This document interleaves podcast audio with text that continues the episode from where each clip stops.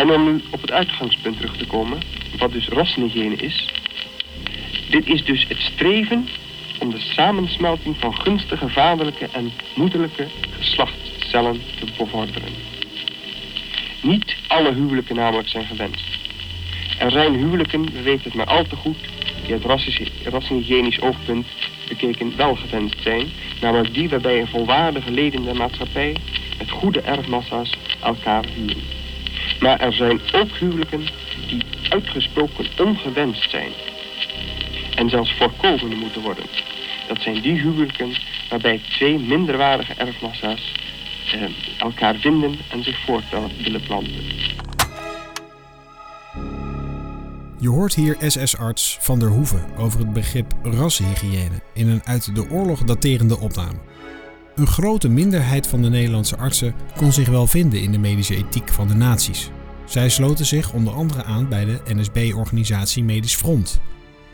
Een deel van deze minderheid blijkt zich schuldig te maken aan mishandelingen. Dit is Oorlogswond. Een audioverhaal van Nationaal Monumentkamp Amersfoort over het artsverzet in Nederland tijdens de Tweede Wereldoorlog. Dit is aflevering 3. In strijd met de eet. Lalz an fremde Hilfe, niemals an Hilfe, die außerhalb unserer eigenen Nation, unseres eigenen Volkes liegt.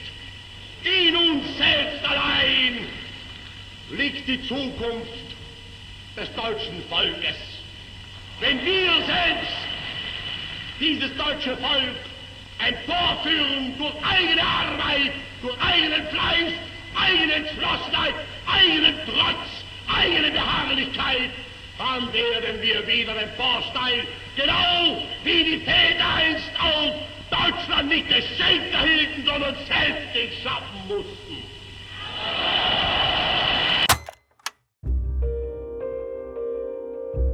Nadat Hitler aan de macht komt in Duitsland, komt een propagandamachine vol op stoom. De strenge rassenleer, de toekomstvisie van een groot Duits rijk met een Arisch volk dat ver boven de andere bevolking staat. Na de Tweede Wereldoorlog werd duidelijk welke verschikkingen er in Europa hebben plaatsgevonden, in de vele duizenden concentratiekampen in Europa. Plekken waar genocide, honger, dwangarbeid en executies aan de orde van de dag waren. Ook de lugubere medische ethiek van de naties komt met name op die plekken tot uiting. Kijk, Rudolf Hess, de, de plaatsvervanger van Adolf Hitler, die heeft ooit uh, gezegd dat uh, nationaal socialisme is niets anders dan toegepaste biologie. En dat geeft dat heel duidelijk weer. Hè. Wij zijn gewoon bereid om in te grijpen op menselijk leven, om dus inderdaad een soort superras te krijgen. Maar dat betekende dus ook dat ze uh, bijvoorbeeld gewoon proeven gingen doen op mensen. Een van de beruchtste artsen is wel Jozef Mengele, de horrordokter van Auschwitz. Kampgevangenen werden als proefdieren gebruikt voor zijn experimenten. Denk aan gifinjecties in ogen of het verwijderen van organen. Vaak experimenteerde hij zonder verdoving. Er is in 1977 een uh, heel berucht boek verschenen van uh, Jay Lifton. Die heeft dat helemaal uitgezocht. Geen aanrader, uh, moet ik heel eerlijk zeggen, vanwege de content. Het is een erg goed boek, maar het is echt afschuwelijk als je het leest. En daar krijg je echt een, wat daar aan proeven is gedaan op gevangenen in kampen. willens en wetens. Zowel in de vernietigingskampen zoals Auschwitz, maar ook in de strafkampen zoals Natzweiler. Dat is echt afschuwelijk. En je kan het bijna zo gek niet bedenken. Mensen werden geïnjecteerd met stoffen. er werden ook proeven op vrouwen gedaan om te kijken wat, uh, welke stoffen vruchtbaarheid beïnvloeden. En nou, het is echt uh, het is vreselijk. En uh, een aantal van die artsen hebben ze dus ook na de oorlog opgepakt. En die hebben allemaal centraal terecht gestaan. De meeste artsen die hoog in de nazi-hierarchie stonden, ontkwamen na de oorlog niet aan hun straf. Vele van hen werden gearresteerd en aangeklaagd wegens misdaden tegen de menselijkheid. De aanklacht tegen de artsen werd op 25 oktober 1946 voor het oorlogstribunaal in Nuremberg gebracht. Kamparts Frits Klein, onder andere in Auschwitz, Neuengamme en Bergen-Belsen, zegt tijdens zijn proces op de vraag hoe hij zijn daden kon verenigen met de medische beginselen als arts: Mijn eed van Hippocrates draagt me op een ontstoken appendix uit het menselijk lichaam te snijden. De Joden zijn de ontstoken appendix van de mensheid. Daarom snij ik ze weg.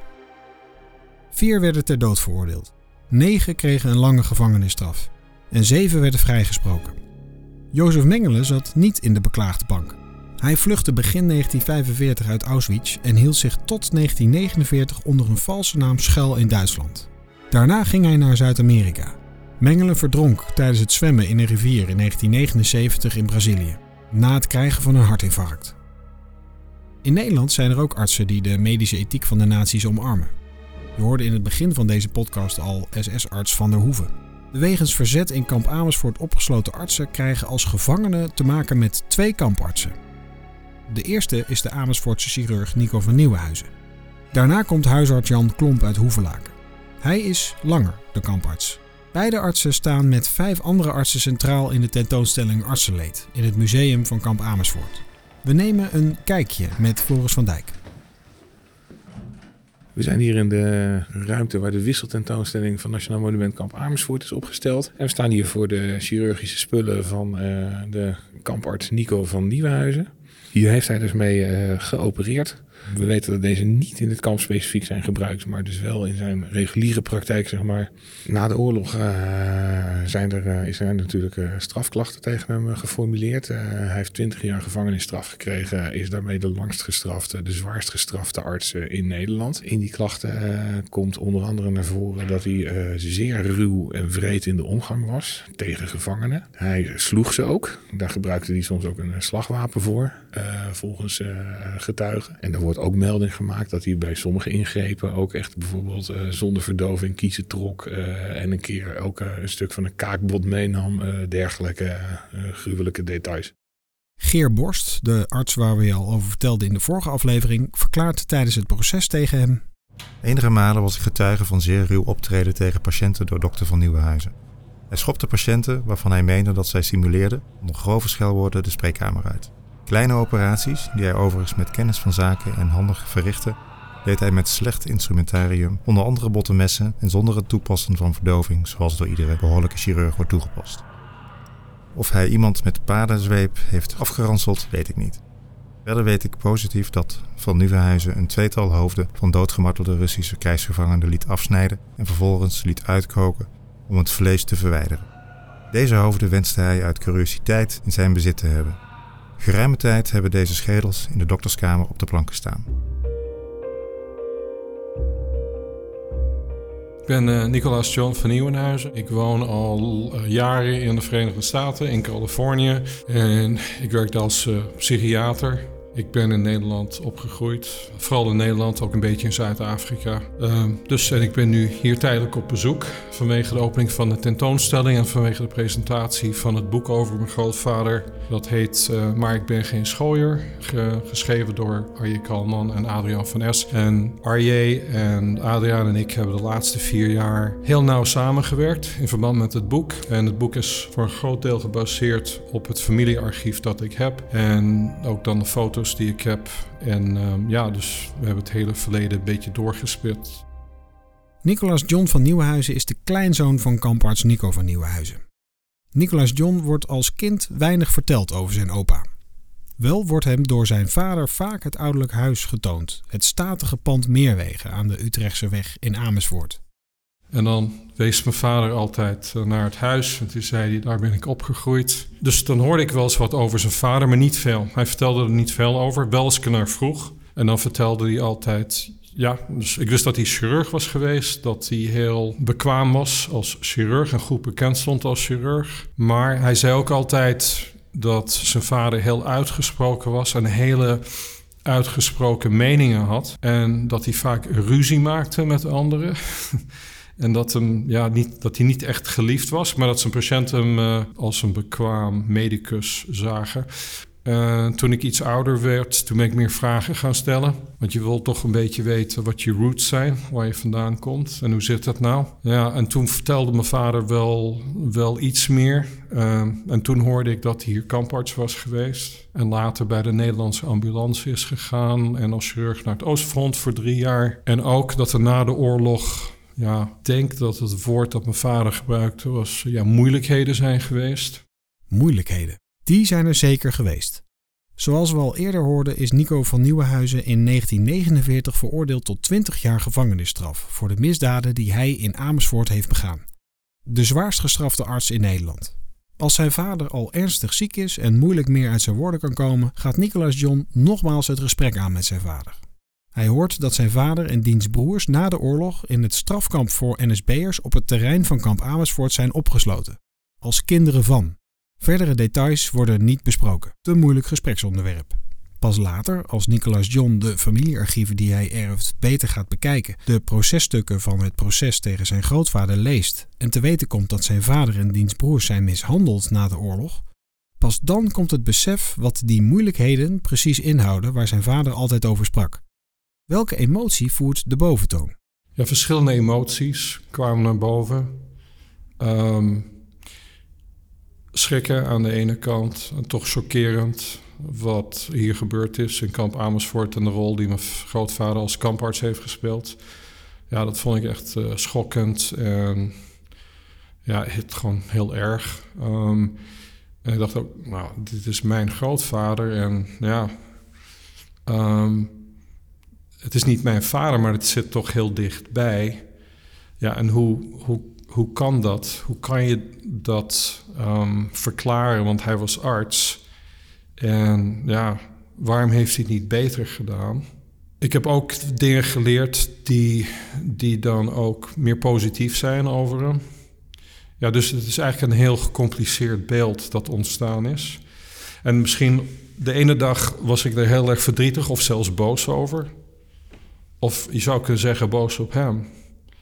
Maar dan waren er ook andere dagen waar, ik, ja, en ik, ik ga het toch zeggen, waar ik toch trots op hem was. Want als je kijkt naar zijn vooroorlogse carrière, was dat zeer indrukwekkend. En heeft hij toch voor de oorlog, moet hij duizenden mensen geholpen hebben en waarschijnlijk uh, honderden mensen het leven gered hebben. Uh, met noodoperaties, noodingrepen. Dus het is, een, het is een heel gemengd beeld. En ik zei net tegen iemand, die vroeg er ook over ja, het Nederlands is er geen goede uitdrukking voor, denk ik. En soms dan zoek ik ook de Nederlandse woorden. Maar ik denk, ja, it's the, it's the good, the bad and the ugly. Alles bij elkaar. Maar dan moet je toch onder ogen zien, vind ik, dat is belangrijk. Nicolas John woont inmiddels in Californië. Met vrouw en twee kinderen. Hij is een vooraanstaand psychiater. We vragen hem tot slot nog om vanuit zijn huidige ambt te kijken naar zijn grootvader. Wat zou hij, puur professioneel, kunnen zeggen over zijn opa? Dat is inderdaad een lastige vraag. Um, nou, dat is niet makkelijk te beantwoorden of niet goed te beantwoorden. Ja, je kunt nooit als arts or, en, en vooral als psychiater kun je niet een diagnose stellen van iemand die je niet gekend hebt of die niet je patiënt is, die je niet, die je niet onderzocht hebt. Uh, en zeker niet als het een familielid is. Dus dat zijn al mijn disclaimers. Um, maar ik, ik, ik wilde wel een beetje op ingaan. Ten eerste is het heel duidelijk dat, ja, dan, uh, dat hij een aantal karaktertrekken had die ja, problematisch waren. Uh, de stugheid, dat hij, heel, dat hij dacht dat hij heel mannelijk moest zijn. En dat hij blijkbaar moeite had om zijn gevoelens te tonen. En daarom misschien ook compenseerde door ruw en hardhandig op te treden, want dat was dan mannelijk. Maar dat volgens collega's dat hij wel eh, ja, gevoelens had. Maar dus hij wilde dat niet, niet laten zien. Dus ja, je hebt bepaalde karaktertrekken. Ik heb er ook over nagedacht, omdat hij, uh, ik denk toch bepaalde trekken had die, uh, die waarschijnlijk, en ik, dit is geen officiële diagnose, maar dat toch wel inpast met uh, narcisme. Ja, dus een ingenomenheid, waarschijnlijk een hoge dunk van zichzelf, een gebrek tot een zekere mate een gebrek aan empathie. Dat, dat kunnen narcistische karaktertrekken zijn. Als je, als je het zo bekijkt, dan verklaart dat eigenlijk uh, zijn gedrag ook, grotendeels, denk ik. Wat, wat ook, wat ik, wat ik niet wist, want we hebben ook uh, het met, met zijn ouders en met zijn jeugd ben ik meer aan de weet gekomen. En dat komt omdat een ander familielid van mij, die heeft, heeft een schrift en daarin heeft de broer van mijn grootvader heeft die aantekeningen gemaakt over hun jeugd in Utrecht.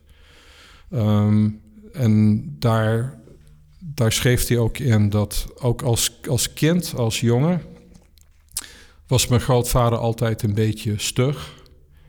En hij, hij beschreef hem ook als een lastige jongen. In zijn jeugd ging er veel aandacht uit naar hun moeder, die uh, ja, altijd, altijd ziek was. Zijn vader was zeer religieus.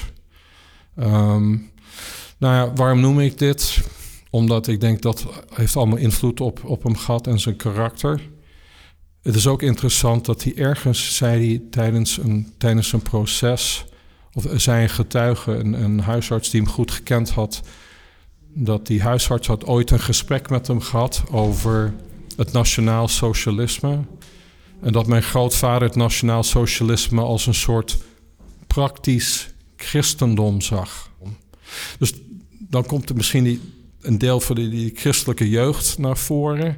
Maar ja, dan een hele rare manier dan met de NSB verwant. Maar nou, ik denk dat heeft allemaal, allemaal uh, invloed gehad. Ja.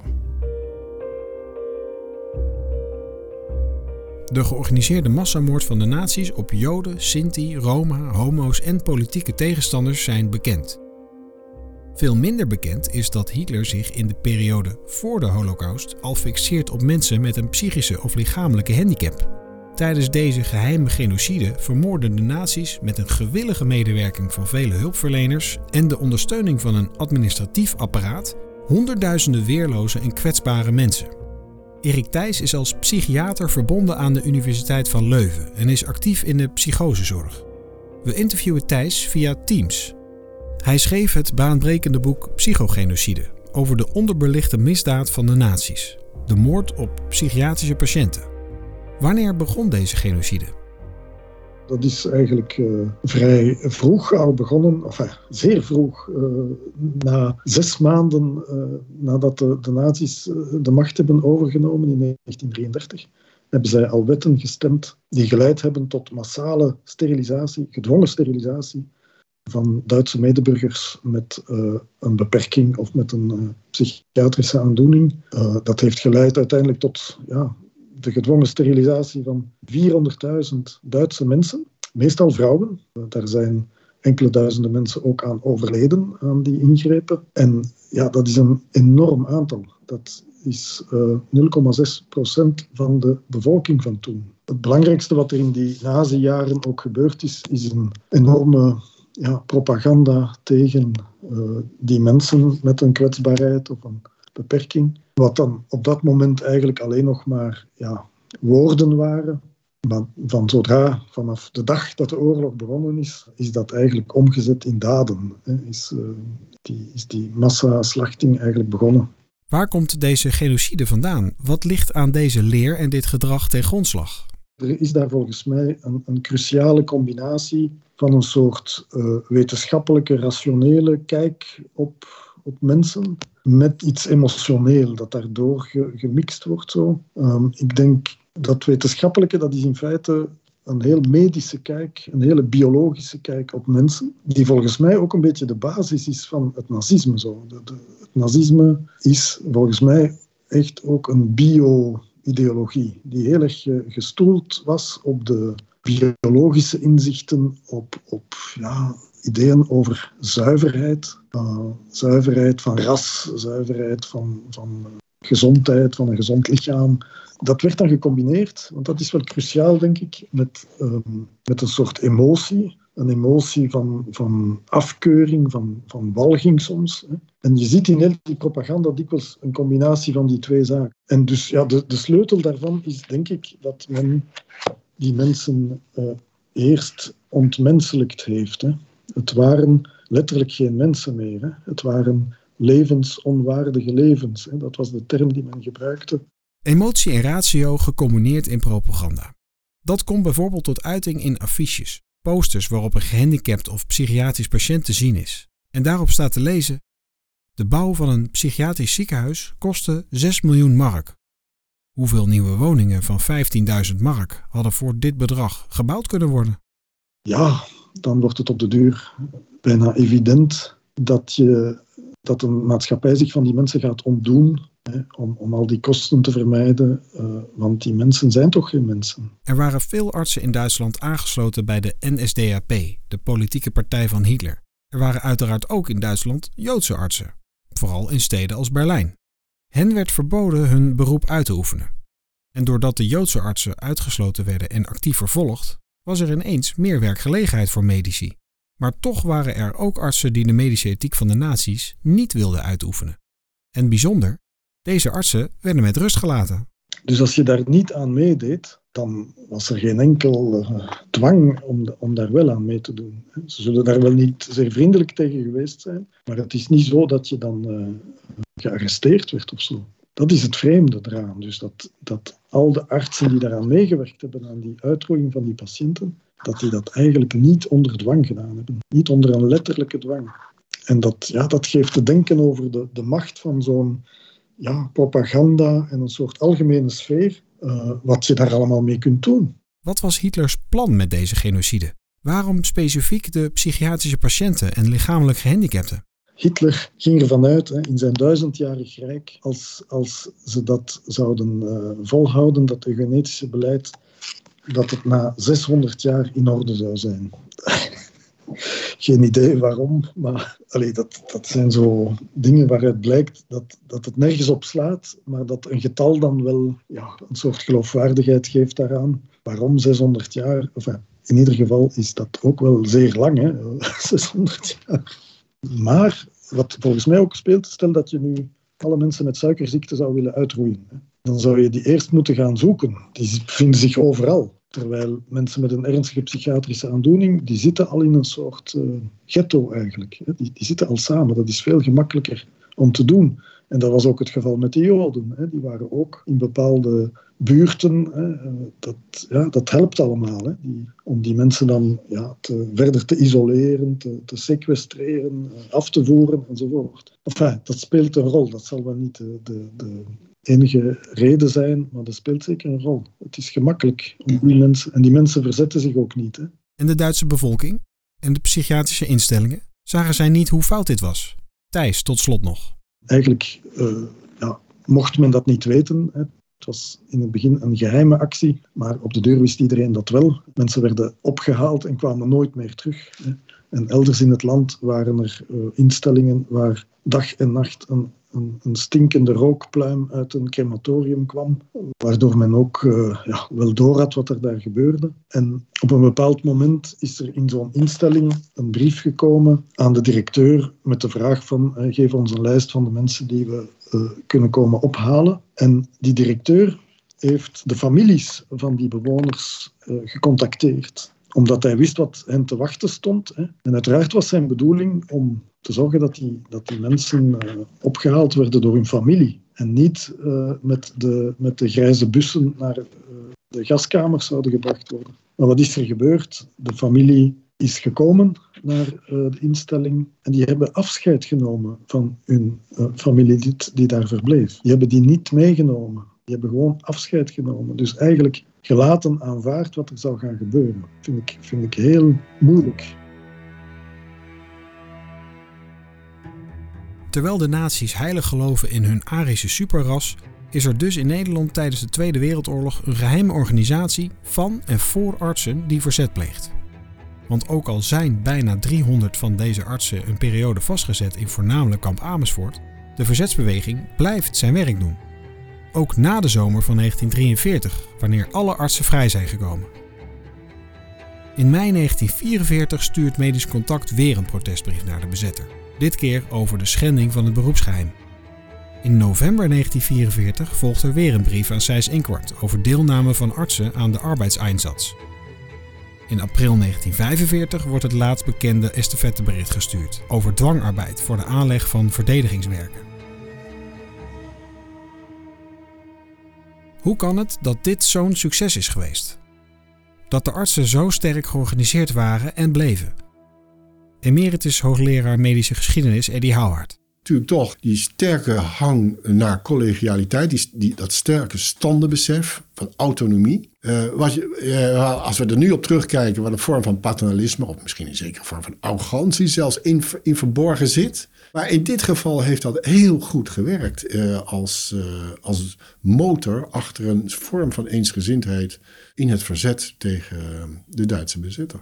Uh, dus het, heeft heel veel, het heeft zeker te maken met die, die cultuur, die medische cultuur, die in de Nederlandse medische stand in de NMG een rol heeft gespeeld. Daarnaast uiteraard een aantal aantal persoonlijkheden, gewoon een aantal mannen, persoonlijkheden, vrouwen misschien ook wel, die, die, dat, die daar een, een duidelijke rol hebben gezet in de vormgeving van dat verzet. Het belangrijkste is, medisch contact is uiterst succesvol geweest. Zonder geweld, maar krachtig en standvastig in woord en daad, waarop de Duitse bezetter nooit vat heeft kunnen krijgen. Daarom is het laatste woord aan Jean Eefting Schattenkerk, medeoprichter van Medisch Contact. Hij reflecteert op de periode vanaf de vrijlating van alle artsen in 1934. En eigenlijk vanaf dat moment, ja, hebben ze al die dingen niet meer voorgezet. Ze zagen natuurlijk ook dat ze met die NSB-artsen toch eigenlijk niks bereikten. Ze wilden zoveel mogelijk de zaak in Nederland rustig houden. En zo en de artsenkamer en al die andere dingen zijn eigenlijk op meer dan merkwaardige wijze doodgebloed.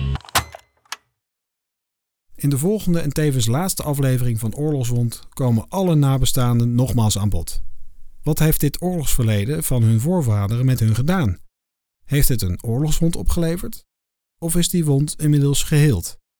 Je hoort het in aflevering 4. Dit was de derde aflevering van Oorlogswond, een podcast van Nationaal Monumentkamp Amersfoort.